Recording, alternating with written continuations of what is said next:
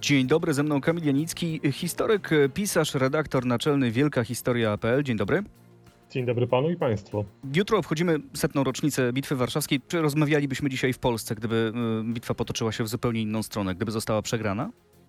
Ha, gdybyśmy przegrali w- wojnę, to nie byłoby II Rzeczpospolitej niepodległej. Ten krótki epizod y, niepodległości byłby by podobny jak historia Ukrainy przedwojennej, y, czy prawie nieistniejąca historia ówczesnej Białorusi. Więc nie, nie byłoby Polski takiej, jaką rozumiemy dzisiaj. Prawdopodobnie nie byłoby w ogóle Polski niepodległej, bo brakowałoby tej tożsamości. Ona by nie była tłumiona przez stulecia, ale już przez prawie dwa wieki. Czy przywitalibyśmy się dzisiaj w innym języku, krótko mówiąc, jeżeli byśmy Po rozmawiali? rosyjsku rzecz jasna. Zdrazdwójcy powiedzielibyśmy, dobrze. Ale skoro tak, to y, dlaczego od 100 lat nie jesteśmy w stanie upamiętnić tego zwycięstwa, które rzeczywiście dało nam wolność, dało nam niepodległość na, e, no, dzisiaj?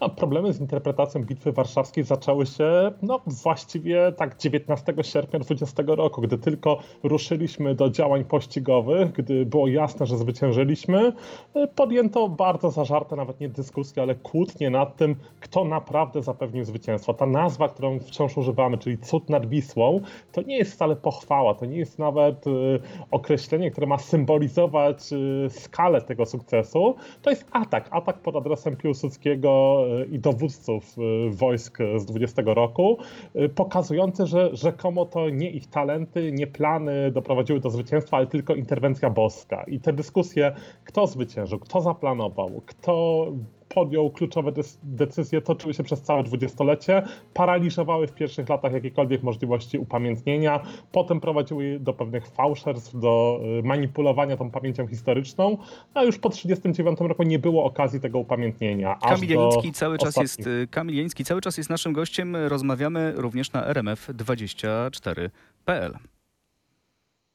Po 30 roku również nie było możliwości upamiętnienia, bo ciągłe kłótnie, ciągłe spory to e, uniemożliwiały. Teraz no, Muzeum Bitwy Warszawskiej dopiero się buduje. E, pomnik Bitwy Warszawskiej, który miał się pojawić na placu na rozdrożu w Warszawie, też jakoś nie widać, żeby tam coś się działo. Dziwi to pana? E, Nie, niespecjalnie też pamiętajmy jednak, że 20 rok, chociaż uważamy go za tak wybitne zwycięstwo, w codziennej pamięci historycznej Polaków raczej nie funkcjonuje. Gdy wracamy do historii, to wracamy do II wojny światowej, wracamy do, do tych dziejów, które jeszcze mają jakiś ślad w dzisiejszym wyglądzie Polski, e, w dzisiejszych e, ludziach, którzy jeszcze żyją. Natomiast 20 rok to jest jednak historia odległa. Dobrze, że jest ta rocznica, dobrze, że wreszcie o niej rozmawiamy, ale no, należy szczerze powiedzieć, przez ostatnie dwie, trzy dekady nie był to na pewno temat numer jeden. Mówił pan, że cud nad Wisłą, no, na pewno cudem generał Rozwadowski albo Józef Piłsudski nie nazwaliby tego, co się wtedy wydarzyło. E, No ale na czym ten ów, już przyjmijmy to nazewnictwo, cud polegał? Dlaczego ta bitwa potoczyła się tak, jak się potoczyła? Wbrew pewnemu mitowi, y, Armia Czerwona nie miała wyraźnej przewagi pod samą Warszawą. Miała ogółem przewagę, ponieważ Armia Czerwona wtedy miała 5 milionów żołnierzy, Polska w tym szczytowym momencie około miliona. Natomiast pod Warszawą te siły były równe. Y, Natomiast y, Sowieci mieli przewagę w artylerii, mieli przewagę w CKM-ach, byli lepiej uzbrojeni i rzeczywiście pewni zwycięstwa. To morale po stronie polskiej było bardzo nadszarpnięte. Cofanie się jednak przez kilka miesięcy sprawiało, że Polacy byli niesamowicie niepewni zwycięstwa. Y, Warszawa też była wzburzona, emocje w mieście nie były wcale tak, y, tak jednolite, jak nam się niekiedy wydaje. Y, Nie było pełnego poparcia dla, dla tej obrony, były jednak duże zaburzenia robotnicze, była działalność komunistyczna jakby piątej kolumny. Więc trzeba było manewru, który pozwoli tą bitwę wygrać jednak pewnym fortelem. I tutaj kilka wielkich zasług przez całe dekady bagatelizowanych, czyli zwłaszcza działalność polskiego wywiadu, zdobycie y, kodów y, sowieckich y, i przez to odkrycie, jak dokładnie będą się posuwać Właśnie ta działalność polskiego wywiadu jest ciekawa, bo tutaj, przepraszam, że przerwę, ale e, zdaje się, że to był radiowywiad, tak? To trochę jak historia Enigmy, troszkę w ten sposób można to e, W dużym stopniu to jest początek tej historii. Enigmy to po części ci sami ludzie, którzy w XIX roku rozszyfrowywali y, sowieckie kody, potem działali przez całe lata 30. Oni stworzyli tą polską szkołę kryptologiczną. Natomiast ten sukces na dobrą sprawę został y, ujawniony dopiero po 2005 roku, kiedy odkryto dokumenty dowodzące, że już od 19 roku Polacy znali posunięcia sowieckie. Nawet jeśli nie udało im się wykryć pierwszego ataku, y, tej kontrofensywy po zajęciu Kijowa, to byli w stanie potem y, ustalać ustalać główne posunięcia pod Warszawą. To pozwoliło zaplanować kontrofensywę z Nadwieprza i to jest ten najważniejszy punkt Bitwy Warszawskiej, bo 13 sierpnia siły sowieckie uderzają na polskich obrońców pod Radzyminem. Jest to bardzo trudna obrona. Tam rzeczywiście Sowieci mają znaczącą przewagę. Są to krwawe walki. Natomiast y, dochodzi do dwóch jakby działań y, zwrotnych polskich. Nad Wkrom y, generał Sikorski jedną kontrofensywę prowadzi, która przynosi ograniczone efekty, ale wiąże siły sowieckie. Natomiast ta walna, decydująca kontrofensywa rusza z Nadwieprza, wychodzi na tyły sowieckie i doprowadza doprowadza do zupełnego rozbicia sił sowieckich. Tutaj jednak ta e, skala katastrofy sowieckiej jest olbrzymia. Po, po dwóch dniach tej kontrofensywy Piłsudski rusza do Warszawy, zarządza już działania pościgowe, działania, które mają doprowadzić do zupełnego rozbicia y, sił sowieckich i które kończą się właściwie poza nawet granicami późniejszej II Rzeczpospolitej. Czy to zwycięstwo militarne nie okazało się już później y, trochę przegraną polityczną i wizerunkową w Europie? To jest skomplikowane pytanie. Wiele decyzji podejmowano, które dzisiaj mogą się wydawać zaskakujące. Przykładowo dostaliśmy podczas y, późniejszych y, y, negocjacji pokojowych dużo mniejsze terytorium niż mogliśmy wywalczyć. Sowieci byli gotowi oddać Polsce Mińsk, tereny właściwie drugiego zaboru lub nawet nieco większe. Natomiast polska prawica była bardzo sceptyczna wobec takich działań. Tutaj są zachowane pamiętniki czy biorącego udziału w negocjacjach Stanisława Grabskiego, czy innych polityków, którzy wprost mówili, że nie chcieli, aby stosunek Polaków do całej populacji Polski był mniejszy niż 65%, więc zgadzali się na mniejsze korzyści, na mniejsze sukcesy. Więc to jest z jednej strony. Z drugiej strony mocarstwa zachodnie ogółem nie respektowały jakichkolwiek ustaleń bezpośrednio między Polską a y, Związkiem Sowieckim, czy wtedy jeszcze Rosją Sowiecką.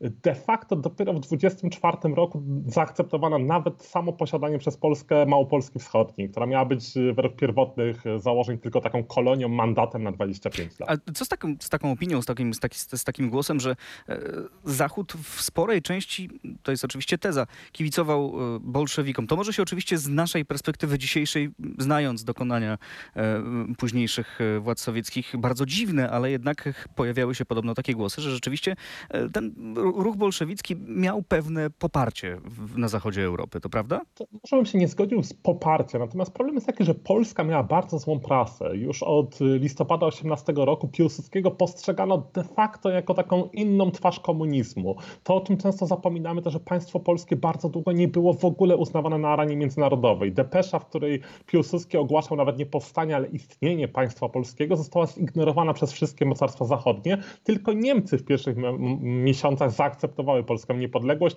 licząc na ustępstwa graniczne, na to, że Wielkopolska i Pomorze zostaną y, w ich obszarze. Y, w 19 roku z trudem udaje się zdobyć pewną akceptację dzięki porozumieniu z prawicą, ale to jest cały czas bardzo takie ostrożne spojrzenie, więc y, mocarstwa zachodnie niekoniecznie, zwłaszcza w Anglii, niekoniecznie widzi się tą przewagę współpracy z Polską na współpracę z bolszewikami. Pragmatycznie Brytyjczycy rozważają, czy nie jest dla nich bardziej opłacalne, żeby jednak pójść na układy e, z Rosją, żeby znaleźć jednak jakieś, e, e, jakiś, jakiś sposób porozumienia. Natomiast Francuzi są dużo, dużo bardziej sceptyczni wobec tego, myślą dużo bardziej trzeźwo i to oni wspierają Polskę w, w dobie Bitwy Warszawskiej. Wracając jeszcze do samej bitwy i do samej wojny polsko-bolszewickiej, to nie jest tak, że te dwie armie, które się ścierały, one były doskonale wyposażone, wręcz przeciwnie przeciwnie, tak? To były, mm, spotkałem się nawet z takim określeniem, że to były armie trochę ad hoc e, składane. No, były to nawet armie nędzarzy. To były armie e, decydującym stopniu ochotnicze, zarówno y, Armia Czerwona, jak i Polska. To były armie uzbrojone na 10 różnych sposobów. W Polsce dopiero pod koniec lat 20. Y, ujednolicono wyposażenie, uzbrojenie. W 20 roku to była broń i niemiecka, i austriacka, i francuska, y, i kupowana nielegalnie jeszcze w dobie zaborów. Każdy miał inny mundur. Wielu żołnierzy w ogóle nie miało mundurów. Chaos w wojsku był gigantyczny. Są na przykład takie wspomnienia syna mm, premiera Władysława Grabskiego, który nie zdołał w ogóle dotrzeć na, na front, który tygodniami tłukł się w pociągach z miejsca na miejsce, ponieważ ten chaos logistyczny też był gigantyczny, ale chaos był gigantyczny po obu stronach. To są, jak sam pan słusznie stwierdził, armie tworzone ad hoc, dowódcy też są jeszcze niedoświadczeni, a na pewno niedoświadczeni w kierowaniu no, łącznie milionowymi armiami. Natomiast końcowo działa to na korzyść Polaków. Jednak rosyjskie linie zaopatrzeniowe są bardzo rozciągnięte. Jednak to tempo natarcia na Warszawę jest niezwykle silne, szybkie, więc wojska sowieckie są zmęczone, zdezorientowane i tutaj Polacy wbrew oczekiwaniom są w stanie wykorzystać tą swoją szansę. Kiedy już doszło do tej bitwy, kiedy rzeczywiście na, na obrzeżach Warszawy rozgorzała walka, jak zachowywało się miasto? Jak zachowywali się ludzie? Co oni słyszeli? Co oni robili? Jak się czuli?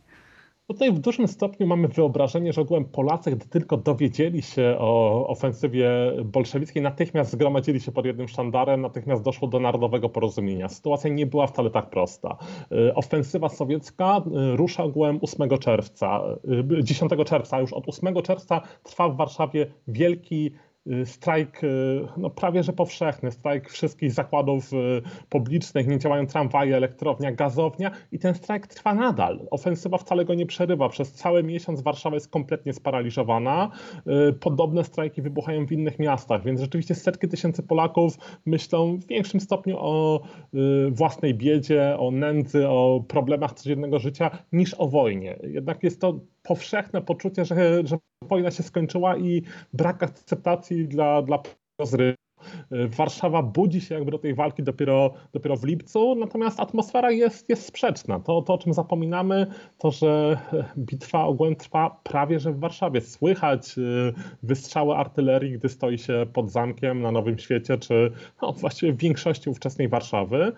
Natomiast reakcje są różne. W ostatnim momencie, jeszcze dzień przed walkami, są emitowane filmy w kinach dla żołnierzy. Dopiero już w trakcie walk dochodzi do wprowadzenia restrykcyjnej godziny policyjnej, stają pociągi, y, tramwaje, natomiast y, no, to, to jest trochę tak, jakby miasto do ostatniej chwili nie chciało się pogodzić z tym, że, że, że bitwa nadchodzi. A gdy miasto już się pogodziło z tym, że bitwa trwa, bo tak jak pan mówił, było słychać tę bitwę, tak? To czy były jakieś takie zrywy ochotnicze, czy ludzie chcieli pomagać, dostarczać na front różnego rodzaju materiały, zaopatrzenie?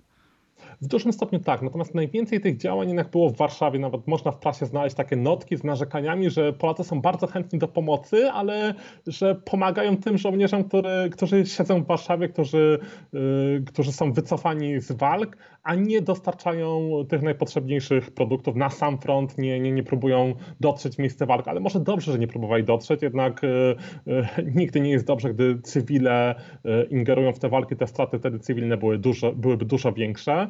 Y, natomiast rzeczywiście ten zryw ochotniczy jest spory. Trzeba pamiętać, że ogółem armia polska w tym okresie to jest armia w ogromnym stopniu ochotnicza. Chętnych do wstąpienia do niej były setki tysięcy, około 100 tysięcy zdołało rzeczywiście y, dołączyć do walk, więc mm, jest to skala bezprecedensowa. I trzeba też pamiętać, że wielu wojowników do ostatniej chwili nie było wykorzystanych. Przykładowo kobiety y, chciały brać udział w tej, w tej walce. Tak, Ochotnicza Liga Ochotnicza Kobiet Liga... zdaje się, że powstała nawet. Ochotnicza Liga Kobiet Legia. powstała już wcześniej. Brała udział w obronie Lwowa i Wilna. Natomiast w Warszawie nie chciano jej wykorzystywać. Nie chciano jakby pokazywać, że kobiety też mogą y, bronić ojczyzny. Zostały one ustawione w ostatniej linii, miały w razie przerwania wszelkich linii obronnych bronić Pragi. Natomiast już po bitwie, gdy doszło do działań pościgowych, rzeczywiście kobiety też biorą w nich udział i są pamiętniki, w których e, e, można przeczytać o bolszewickich żołnierzach, którzy w wielkim zdumieniu wpadają w ręce e, kobiet, są przez nich ostrzeliwani i brani do niewoli. Mówi pan o pościgu, czyli o tym, co nastąpiło po tym, jak armia radziecka zaczęła się wycofywać spod Warszawy. Wtedy, Dokładnie. Czy to jest tak, jakie były siły, które za nimi ruszyły? Czy to rzeczywiście cała polska armia wtedy ruszyła w ten pościg, czy, czy ktoś został? Zdecydowana większość. Tutaj jednak to jest najważniejszy moment. Ta bitwa jeszcze nie musiała rozstrzygnąć o wojnie, ponieważ bolszewicy byli jeszcze w stanie się przegrupować, byli w stanie y, stanąć do kolejnej walki i stanęli nad Niemnem. Dopiero ta bitwa rzeczywiście doprowadza do absolutnego polskiego zwycięstwa i sprawia, że ten sukces pozwala zbudować drugą Rzeczpospolitą jako jedno z największych państw Europy. Jeśli chodzi o postrzeganie historii, również dzisiaj, to e, nie tylko Bitwa Warszawska, ale cała wojna polsko-bolszewicka jest zupełnie inaczej przedstawiana e, u nas w Polsce, a zupełnie inaczej przedstawiana w Rosji. W Rosji Polska jest e, agresorem w tej, w tej wojnie, prawda? Narracji rosyjskiej. i w dużym stopniu można się zgodzić z tą wersją, bo pamiętajmy, że to nie jest wojna, w której my byliśmy obrońcami. De facto obie strony parły do tego samego celu. Polska, polscy politycy już od listopada 18 roku widzą perspektywy rozwoju tylko na wschodzie. Zajęcie Kresów Wschodnich jest kluczowe dla wizji zarówno endecji, jak i środowiska Józefa Piłsudskiego. Natomiast dla bolszewików odzyskanie tych ziem wcześniej wydartych przez Niemcy jest też kluczowe, ponieważ tylko to pozwoli im połączyć rewolucję rosyjską z działaniami rewolucyjnymi w Niemczech. Więc te y, plany polityczne obu stron są absolutnie sprzeczne i wojna właściwie jest nieunikniona. Wprawdzie Sowieci y, robią pewne pokojowe podrygi, ale większość historyków twierdzi, że była to tylko imitacja, była to tylko próba grania na czas. Więc ta wojna musiała wybuchnąć, natomiast obie strony do niej parły, nie tylko Polska, czy nie tylko Rosja. Natomiast my pamiętamy to jako wojnę obronną ze względu na tą ofensywę, która rusza w czerwcu, gdzie my się bronimy. Natomiast trzeba pamiętać, że wcześniej Polacy zajmują Wilno, wcześniej zajmują Kijów, prom daleko na wschód i w dużym stopniu prowokują tę konfrontację. Ale tak jak mówię, z perspektywy ówczesnych polityków to była jedyna możliwa ścieżka działań. Czy wydaje się panu, że teraz Rosjanie, czy teraz Władimir Putin, który no, on lubi spierać się o historię, lubi prezentować swoją wersję historii, może wykorzystać historię wojny polsko-bolszewickiej jako taki wewnętrzny e, propagandowy element? Dotąd tego nie robiono. De facto pamięci historycznej w Rosji e, Bitwa Warszawska nie istnieje. Rosjanie nie lubią wspominać swoich porażek, e, niezależnie od tego, czy, e, czy czują się agresorem czy ofiarą. Nie chcą się pokazywać w roli ofiary, tylko w roli jednak mocarstwa, które zwycięża. Więc ten etap jest raczej wymazywany z historii. Nawet gdy podejmowano próby wprowadzenia do takiego pewnego kanonu pamięci zajęcia Moskwy przez Polaków w XVII wieku, niezbyt się to udało. Takie święto istnieje, ale raczej jest ignorowane przez Rosjan. Więc nie wydaje mi się, żeby dla 20 roku e, podobna próba mogła się udać. E, jednak ta wielka wojna ojczyźniana, druga wojna światowa to jest ten dominujący symbol historyczny i raczej Rosjanie przy tym pozostaną. To jeszcze chciałem zapytać o hiszpański dziennik La Vanguardia, który wczoraj opublikował tekst o, o Bitwie Warszawskiej. Użył tam takiego sformułowania, że to starcie jest niesłusznie zapomnianym wydarzeniem. Zgodzi się pan z takim stwierdzeniem, że na świecie nie pamięta się o Bitwie Warszawskiej?